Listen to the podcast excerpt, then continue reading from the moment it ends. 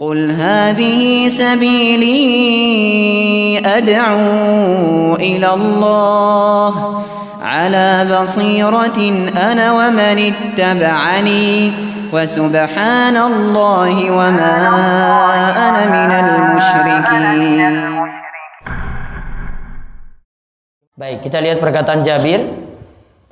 Untuk orang yang tadi perkataan Jabir, kami pernah bersama Rasulullah SAW dalam suatu perjalanan atau dalam suatu pasukan tempur. Ketika itu karena awan gelap. Awan gelap berarti nggak bisa lihat arah, juga di situ tidak ada arah yang membantu. Mau lihat matahari nggak bisa berarti, karena awan itu gelap. Maka Orang-orang ketika itu arahnya ke mana-mana sholat. Ada yang sholat arah ini, ada yang sholat arah itu. Sampai uh, supaya nanti membuktikan dibuatkanlah tanda dulu. Dibuatkan tanda, uh, nanti tinggal pastikan nanti besok harinya.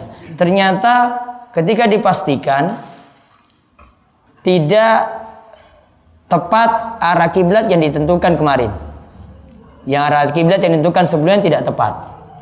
Maka ketika itu lapor pada Rasulullah SAW, Rasulullah SAW itu tidak menyuruh sholatnya itu diulangi.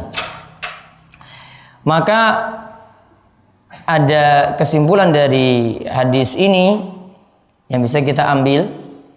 Ya, kesimpulan yang bisa kita ambil dari hadis Jabir tadi, kalau orang sudah mencari arah kiblat, namun tidak mendapatkan arah yang tepat. Tidak mendapatkan arah yang tepat. Maka sholatnya tidak perlu diulangi. Maka sholatnya tidak perlu diulangi. Walaupun salah. Walaupun salah tadi ya, arah kiblatnya salah. Juga kesimpulannya dari hadis ini kata para ulama menghadap kiblat itu wajib.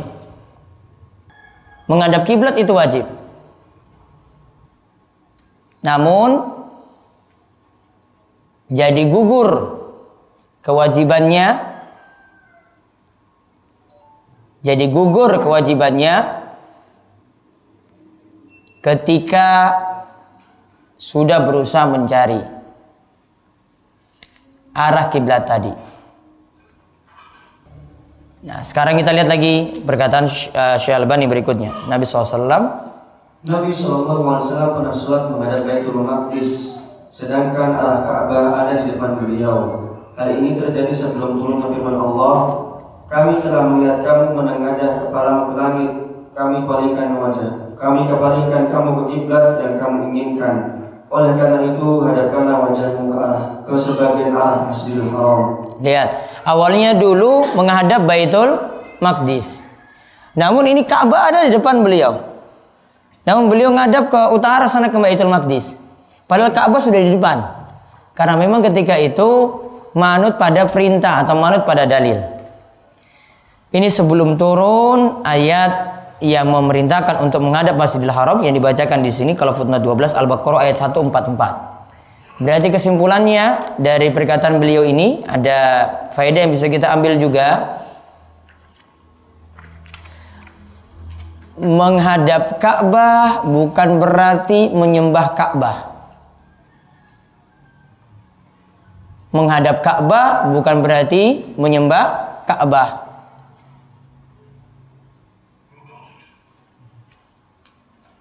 Namun karena manut atau patuh pada dalil.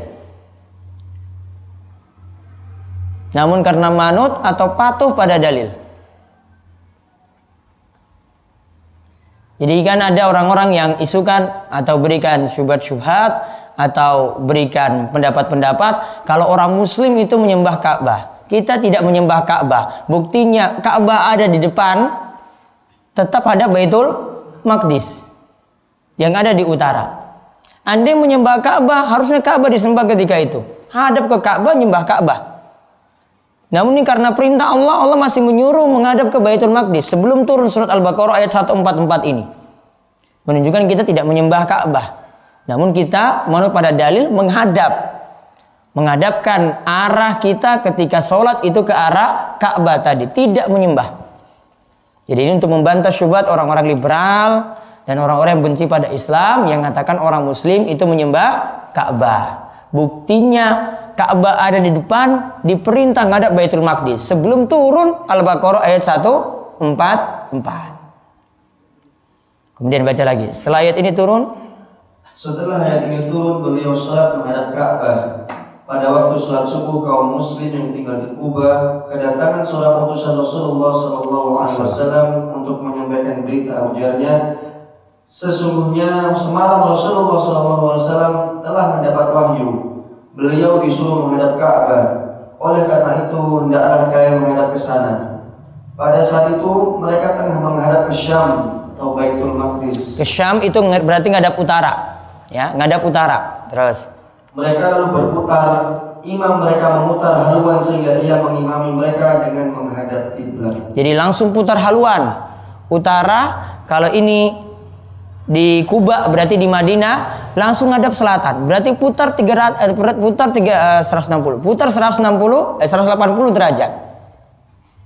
Utara mutar hadap selatan. Jadi kita sholat sini utara langsung hadap selatan. Di sini dikatakan pada saat itu mereka tengah menghadap ke Syam. Mereka lalu berputar, imam mereka memutar haluan sehingga imam ia mengimami mereka dengan menghadap kiblat. Nah, kesimpulannya dari kalimat ini ya, kesimpulannya dari kalimat ini yang bisa kita ambil menghadap kiblat itu wajib. Karena di tengah sholat perintah menghadap Ka'bah itu turun. Karena ini di tengah sholat ya. Di tengah sholat perintah menghadap Ka'bah itu turun.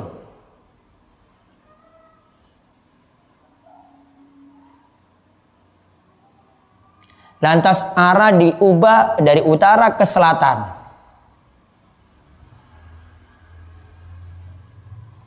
Lantas arah diubah dari utara ke selatan. Berarti menunjukkan wajib. Kalau tahu di tengah sholat kiblat kita salah, maka harus mutar. Contoh kita ngadap sholat sekarang, cari-cari akhirnya ngadap selatan. Terus ada jamaah yang datang beritahu, Pak jenengan salah, barat itu sini. Tengah sholat dengar seperti itu, langsung arahkan. Ini selatan langsung geser. Berarti 90 derajat. Selatan langsung geser 90 derajat. Di tengah sholat dia ubah. Ya, di tengah sholat dia ubah. Juga kesimpulannya di sini ini gerak atau tidak? Gerak atau tidak? Gerak. Namun geraknya butuh ya. Hmm. Maka catat lagi kesimpulan berikutnya bergerak tambahan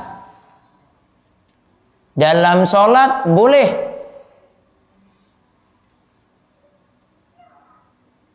jika ada kebutuhan untuk gerak.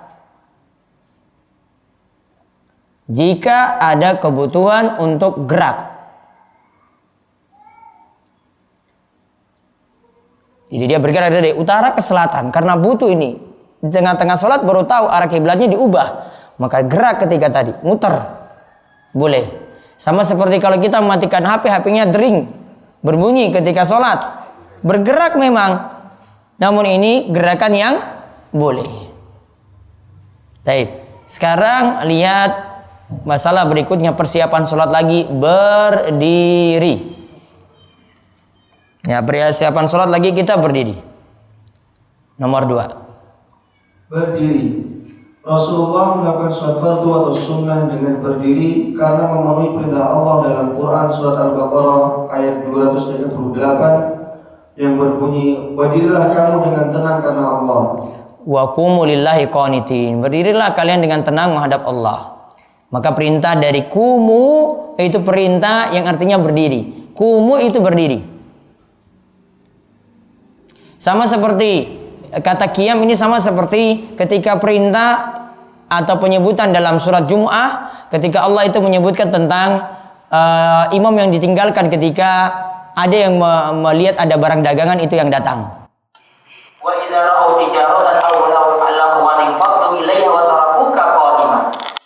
Misalkan imam yang dalam keadaan berdiri. Maksudnya khotib yang dalam keadaan berdiri. Maka dari ayat ini disimpulkan imam itu ketika berkhutbah itu adalah dalam keadaan berdiri, tidak boleh duduk. Maka kiam itu artinya berdiri. Maka sama dengan ayat ini juga perintah sholat itu kita lakukan dengan berdiri pertama kali. Terus. Apabila berpergian, beliau Wasallam melakukan sholat sunnah di atas kendaraannya. Terus. Beliau mengajarkan kepada umatnya agar melakukan sholat khauf dengan berjalan kaki atau berkendara seperti tersebut di atas.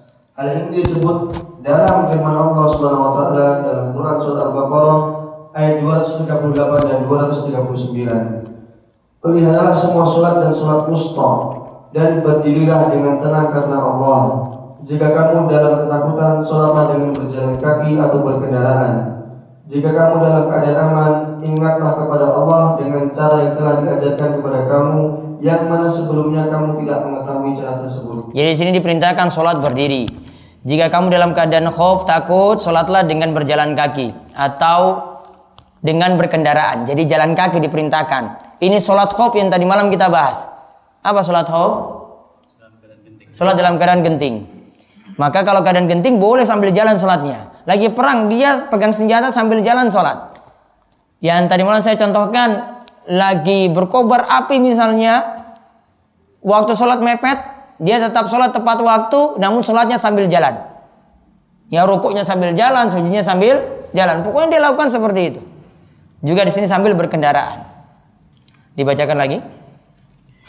Diriwayatkan bahwa Nabi SAW pernah sholat dengan duduk ketika sedang sakit menjelang wafatnya. Nabi SAW sholat sambil duduk di sini. Terus Beliau SAW juga pernah melakukan sholat dengan duduk ketika sakit. Akan tetapi orang-orang sholat dengan berdiri di belakang beliau. Lalu beliau memberi isyarat kepada mereka agar duduk. Lalu mereka duduk. Setelah sholat beliau bersabda, Tadi kamu sekalian hampir saja melakukan perbuatan yang dilakukan bangsa Parsi dan Rom. Mereka berdiri di hadapan raja-raja mereka, sedangkan raja-raja itu duduk. Janganlah kamu melakukan hal itu. Seorang imam sholat dijadikan sebagai panutan. Jika dia ruku, hendaklah kalian ruku. Jika dia bangkit dari ruku, hendaklah kalian bangkit dari ruku. Jika dia sholat dengan duduk, hendaklah kalian sholat dengan duduk semuanya. Taib. Di sini lihat dari pembahasan tadi dalil-dalil yang ada menunjukkan perintah untuk berdiri. Namun ketika tidak mampu berdiri, maka beralih sholatnya sambil duduk. Termasuk di sini dijelaskan ketika Nabi Shallallahu Alaihi Wasallam dalam keadaan sakit, beliau itu sholat sambil duduk. Namun ingat di sini Nabi tegur di sini, orang-orang itu sholat dengan berdiri di belakang beliau. Jadi Nabi duduk karena sakit ya. Nabi SAW sholat duduk. Kemudian orang-orang di belakang beliau itu sholat dalam keadaan berdiri. Beliau tegur. Beliau katakan, kalian sudah melakukan seperti hampir-hampir melakukan seperti apa yang dilakukan oleh bangsa Parsi dan Rom. Mereka gimana? Mereka berdiri di hadapan raja-raja mereka. Rajanya duduk. Mereka itu berdiri. Rajanya ketika itu duduk. Mereka itu berdiri. Kenapa demikian? Ini tidak boleh. Ini raja duduk, mereka berdiri, tanda bahwasanya terlalu mengagungkan berlebihan. Ini salah satu yang dibahas oleh pembahasan oleh para ulama. Mereka katakan bahwasanya kalau kita itu duduk kemudian ada asalnya. Ini kalau ini sebenarnya yang terjadi di tengah-tengah kita ini sebenarnya meniru. Asalnya kalau ada tamu itu masuk, ada raja masuk, ada presiden itu masuk, ya, maka yang posisi seperti itu harusnya seperti itu saja. Biasanya kalau di tengah-tengah kita ada presiden masuk langsung ayo berdiri semuanya. Nah ini sebenarnya meniru dari bangsa Rum dan bangsa Persia tadi. Ya, bangsa Rum dan bangsa Persia tadi. Ini penghormatan yang terlalu berlebihan kalau menurut Nabi Shallallahu Alaihi Wasallam. Beliau tidak inginkan seperti itu. Untuk masalah sholat, kalau Nabi SAW duduk sejak awal, yang Nabi inginkan para sahabat di belakang juga duduk sejak awal. Ya, karena Nabi SAW duduk karena sakit ini, walaupun sahabat nggak sakit juga duduk di belakang. Karena kalau berdiri terlalu menghormati secara berlebihan. Ya, terlalu menghormati secara ber, berlebihan. Jadi Nabi SAW itu sifatnya tawaduk memang. Beliau itu terlalu merendah. Walaupun beliau itu seorang nabi, kalau beliau duduk ya sudah itu duduk juga. Gak boleh ini beliau duduk, yang itu berdiri. Tanda ini menghormati Nabi SAW sekali berlebihan. Namun kan kalau tengah-tengah kita seperti itu, termasuk pada kiai juga sama seperti itu. Ya, diajarkan untuk menghormati itu jangan terlalu berlebihan. Sudah diajarkan seperti itu. Nah kesimpulannya untuk sholat kalau imam itu duduk dirinci jadi dua. Kalau sholat imam itu duduk ada dua rincian. Yang pertama di sini, yang pertama kalau imam duduk dari awal, maka makmum juga duduk dari awal. Kalau imam duduk dari awal, maka makmum juga duduk dari awal.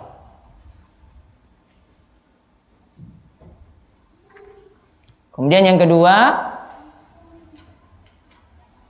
jika awalnya imam berdiri,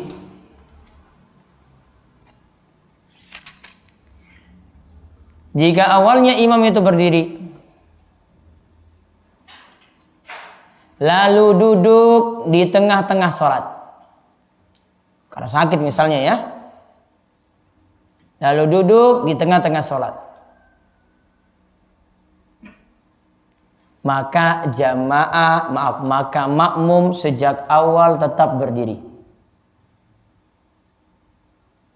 Maka makmum sejak awal tetap berdiri.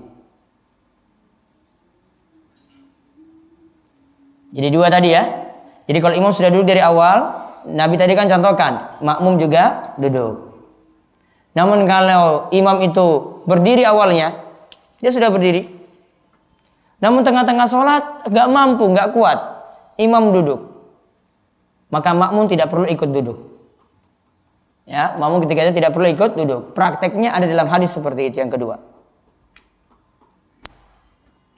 Nah, kalau pembahasan halaman 88 itu tentang sholat dengan duduk bagi orang sakit. Insya Allah kita bahas nanti malam, ba'da tarwih. Ada pertanyaan?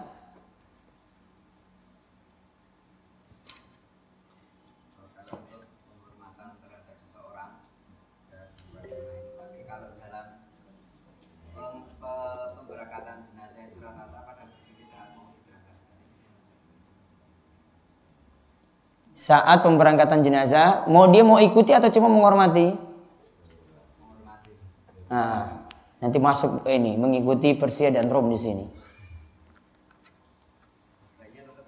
Sebenarnya tetap dulu kecuali dia ikut mau ngiringi jenazah sampai kuburan. Dia ikut berdiri untuk mengikuti tadi atau dia mengikuti bubar barengan tergantung niatan ada yang niatannya untuk menghormati ya ada yang niatannya untuk mengikuti dia mau ngiringi jenazah sampai ke kuburan. Ada lagi? Pak Parjo?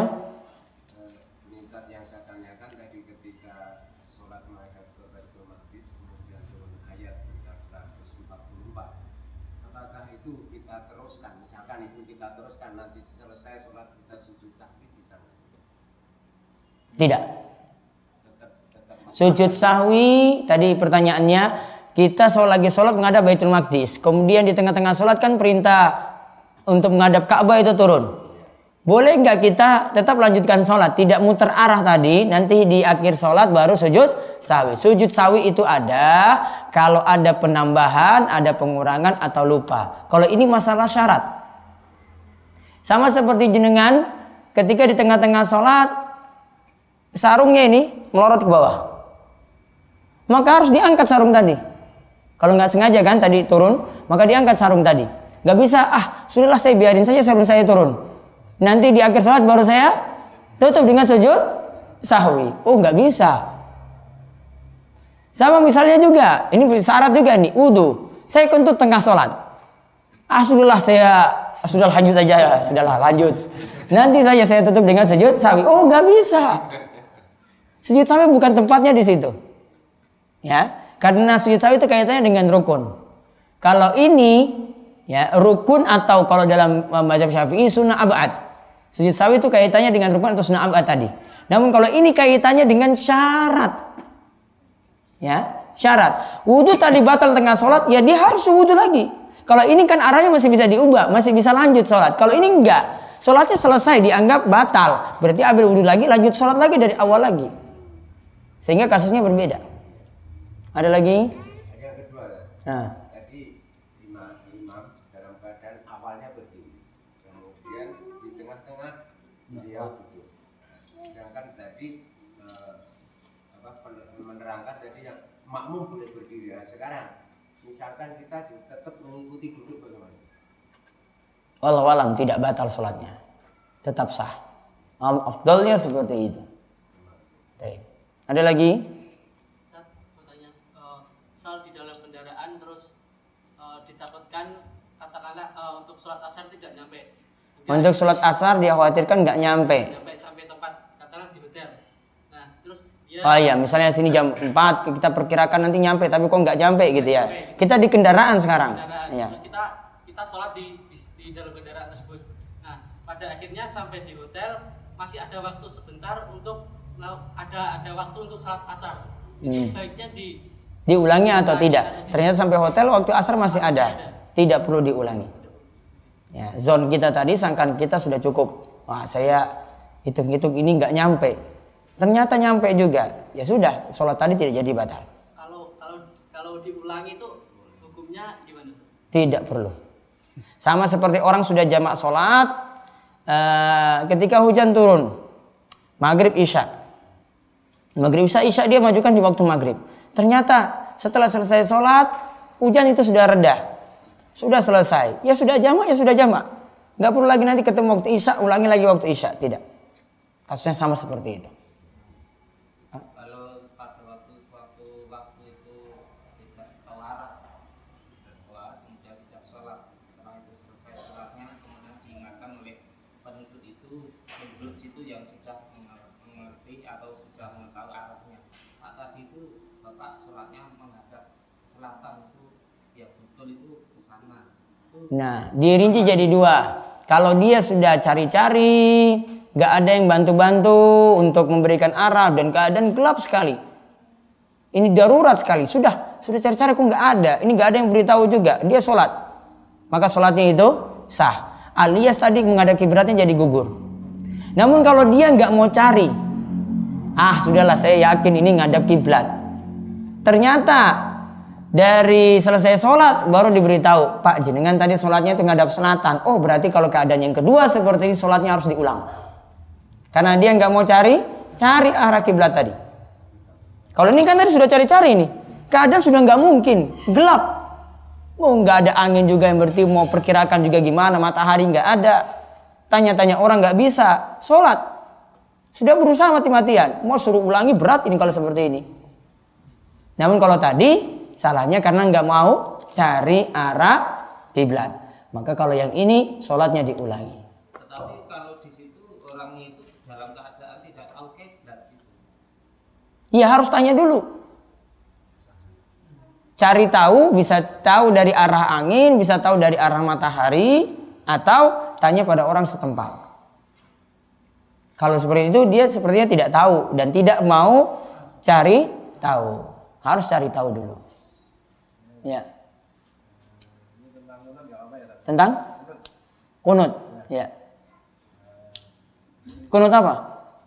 Enggak ceritanya begini. Eh, bela- di belakang imam yang sholat itu kan boleh kunut boleh enggak. Nah ini ceritanya itu yang di depan itu tidak kunut. Nah makmumnya itu kunut sendiri. Yo nggak bisa. Dia imamnya orang kunut, makmumnya kunut sendiri. Yo ngeyel namanya manut ini makmumnya. Artinya sholatnya batal atau Tadi lihat Nabi SAW itu duduk, itu harus duduk juga kan, manut pada imam. Satu. Yang kedua, kalau dia, nah ini pelanggaran berarti dia tanpa gerakan menyelisih imam nih. Namun kalau mau bilang batal, nggak batal. Tapi kok dia telat dari rukun nanti? Kalau dia telat dari dua rukun batal. Gara-gara dia kunut sendiri kan. Akhirnya kan telat dari sujud. Bisa duduk antara dua sujud kan. Iya kan. Dua rukun ketinggalan sudah batal sholatnya. Ya, dua rukun ketinggalan ini kan. Imamnya sudah sujud duluan. Terus duduk antara dua sujud. Baru dia dapat itu. Berarti kan dia, ya, dia kejar kan dua rukun ini. Tertinggal dari dua rukun batal sholat. Kecuali kalau dia masih satu rukun ini masih dapat sujud, sah. Tapi yang jelas itu menyelisih. Ya, ini baru aneh ini, ini kasus baru. Biasanya yang saya tahu kalau dia itu punya prinsip kayak gitu, bar sholat dia sujud sawi sendiri. Namun ini aneh nih, ya. Dia biasanya sujud sawi sendiri. Ah, saya sujud sawi gitu. Sujud sawi. Kenapa sujud sawi? Karena meninggalkan sunnah abad. Karena dalam mazhab Syafi'i itu dikenal dengan sunnah abad. Kunut subuh itu dikenal dengan sunnah abad. Kalau ditinggalkan sujud sahwi. Namun kalau tidak sujud sawi, sujud sawi dalam mazhab Syafi'i sunnah. Ya taruhlah dia tetap milit sujud sawi tadi nggih. Nah, namun yang jelas dalam kasus ini dia harus manut pada imam. Masalah sujud sawi dia terserah dia. Namun yang jelas tidak perlu sujud sawi juga. On?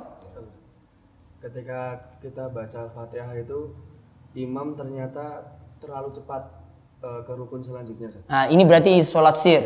Ya, itu kita baca Al-Fatihah itu biasanya tuh dengan pelan gitu yang dengan apa istilahnya tenang gitu. Tapi Ah. ternyata Imamnya sudah ya, rokok. kita se- tetap selesaikan Nah. eh, apa Kalau imamnya itu kecepatannya wajar, berarti jenengan putus sholat kemudian langsung ruku. Maksudnya putus al-fatihah tadi langsung ruku, ikuti imam. Tapi kalau tidak diputus ketika mau rukuk ternyata kepasan imamnya Bangkit saking ruku. Iya, dari. Jenengan masalah dalam sholat. Memang manut imam. Batal gimana? Tertinggal dua rukun batal. Namun kalau tadi belum dia baru mau bangkit kan, belum sempurna. Ya, intinya kalau tertinggal dua rukun kejar dua rukun batal. Berarti ketika dia bangun sudah sempurna berarti kita Kalau dia bangkit sudah sempurna, jadi saya rukuk. ya dia sudah itidal sempurna. Iya. Berarti kalau Sudah ketinggalan dua rukun berarti. berarti kalau belum suruh baru mau naik berarti belum sempurna. Belum. Karena dia lakukan dengan sengaja. Nanti ada pembahasannya sendiri insya Allah. Ah. Eh, apa namanya batasan sejauh mana imam yang boleh diikuti ketika bacaan al-fatihahnya salah ada ada yang Bacaan Al-Fatihahnya salah, kapan imam itu boleh diikuti atau tidak? Dilihat. Ada Al-Fatihah yang jelas kalau salah itu kalau terjadi lahan. Lahan yang yang parah itu kalau sampai merubah makna. Kalau kurang-kurang sedikit ya masih masih nggak nggak batal. Al-Fatihahnya masih dikatakan sah. Contoh misalnya membuat maknanya itu berubah. Iya karena budu dia jadikan iya kata budu. Hmm, atau iya kakak budu gitu. Ya. Fatal. Fatalnya kenapa? Maknanya sudah berubah. Kalau maknanya sudah berubah, batal. Wa iya karena stangin. Gak sah. Karena sudah salah dalam huruf ain. Salah fatal. Paham? kalau sampai tasdidnya terus panjang pendeknya ditabrak gimana Ustaz? di al-fatihahnya Tasdidnya. Kalau tasdid nggak ada, kurang satu huruf. Berarti berubah makna. Tasdid berkurang. hmm. Iya karena budu, bukan iya. Nah, berarti kurang tasdid kan? Berarti kurang satu huruf. Kurang satu huruf mana makna sudah berubah. Kurang satu huruf makna sudah berubah. Nah kalau memangnya imam seperti itu Ustaz terus kita biasa berjamaah di masjid situ Eh, kalau kita menyelisih apa kita juga dapat pahala berjamaah Ustaz? Kalau ada di masjid lain, cari masjid lain. Diingatkan pelan. Kalau enggak dilengserkan nanti. Wewenang KUA nanti itu. Kalau di Arab ya itu punya wewenang untuk lengserkan, untuk naikkan itu punya wewenang. Namun kalau kurang-kurang sedikit, ikhwannya kurang sempurna sedikit itu enggak masalah. parah ya? Kalau ini parah ya sudah berarti. Tadi ya, huruf kalau satu kurang sudah nggak sempurna kan berarti. Ada ketentuannya dalam kitab Matan Safinatun aja itu ada. Ini hurufnya bagaimana? Yang jelas yang paling parah itu kalau sampai berubah makna. Hurufnya tertukar. Yang ada titik dia kasih titik dua. Titik cuma satu kasih titik dua. Iya kata budu titik sudah dua. Nak budu satu. Sudah berubah kan?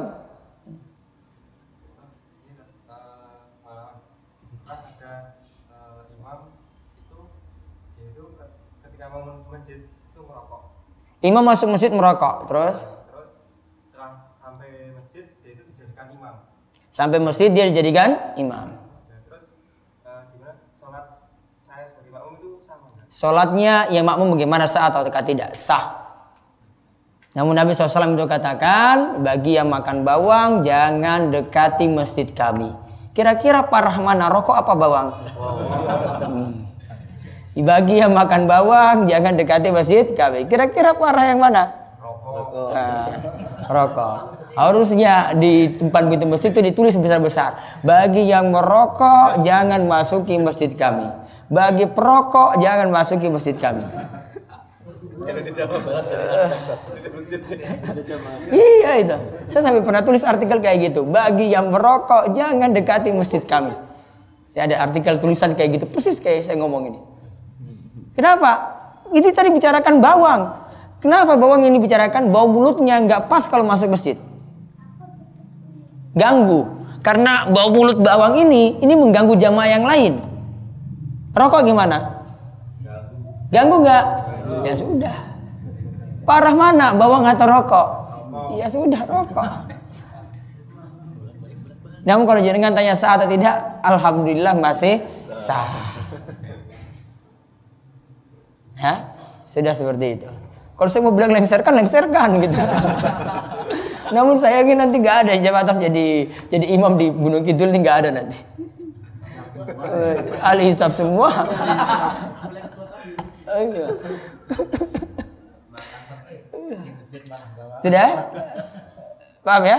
Itu. Jadi hadisnya ada tadi itu. Bagi yang makan bawang jangan dekati masjid kami. Jawabannya gampang. Rokok apa bawang yang lebih parah?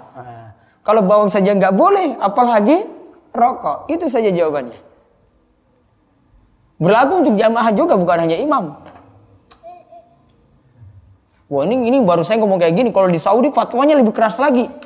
Ya, kalau Syekh Shalal Fauzan ditanya, itu Ustadz ini gimana ini ada yang ngerokok kemudian masuk masjid kami, usir dia dari masjid. Hmm. Dia lebih parah lagi. Usir dia dari masjid. Ini masih halus saya ngomong ini. saya masih bilang. Kalau ini usir dia dari masjid. Ada pakaiannya bau, usir dia dari masjid. Coba lihat. Sampai segitunya. Dia nggak pakai mikir-mikir ya, karena dia ahli fatwa. Orang manut dengan fatwanya gitu, dengar. Kalau kita fatwa masih mikir-mikir, ah nanti ini siapa yang saya ngomong ini. Nah, ini enggak, usir dia dari masjid. Ngapain dia di masjid? Ya, usir gitu. Usir coba kata-katanya. Ya. Ini masih halus loh jawabannya ini. Dan saya ngomongnya tempat lain beda lagi. Ini dengan kalian belum tempat lain. Tempat lain saya nggak mau jawab. Pun kita cukupkan tutup kalian doa kafaratul majelis monggo subhanakallahumma bihamdika asyhadu an la ilaha illa anta astaghfiruka wa atubu ilaik assalamualaikum warahmatullahi wabarakatuh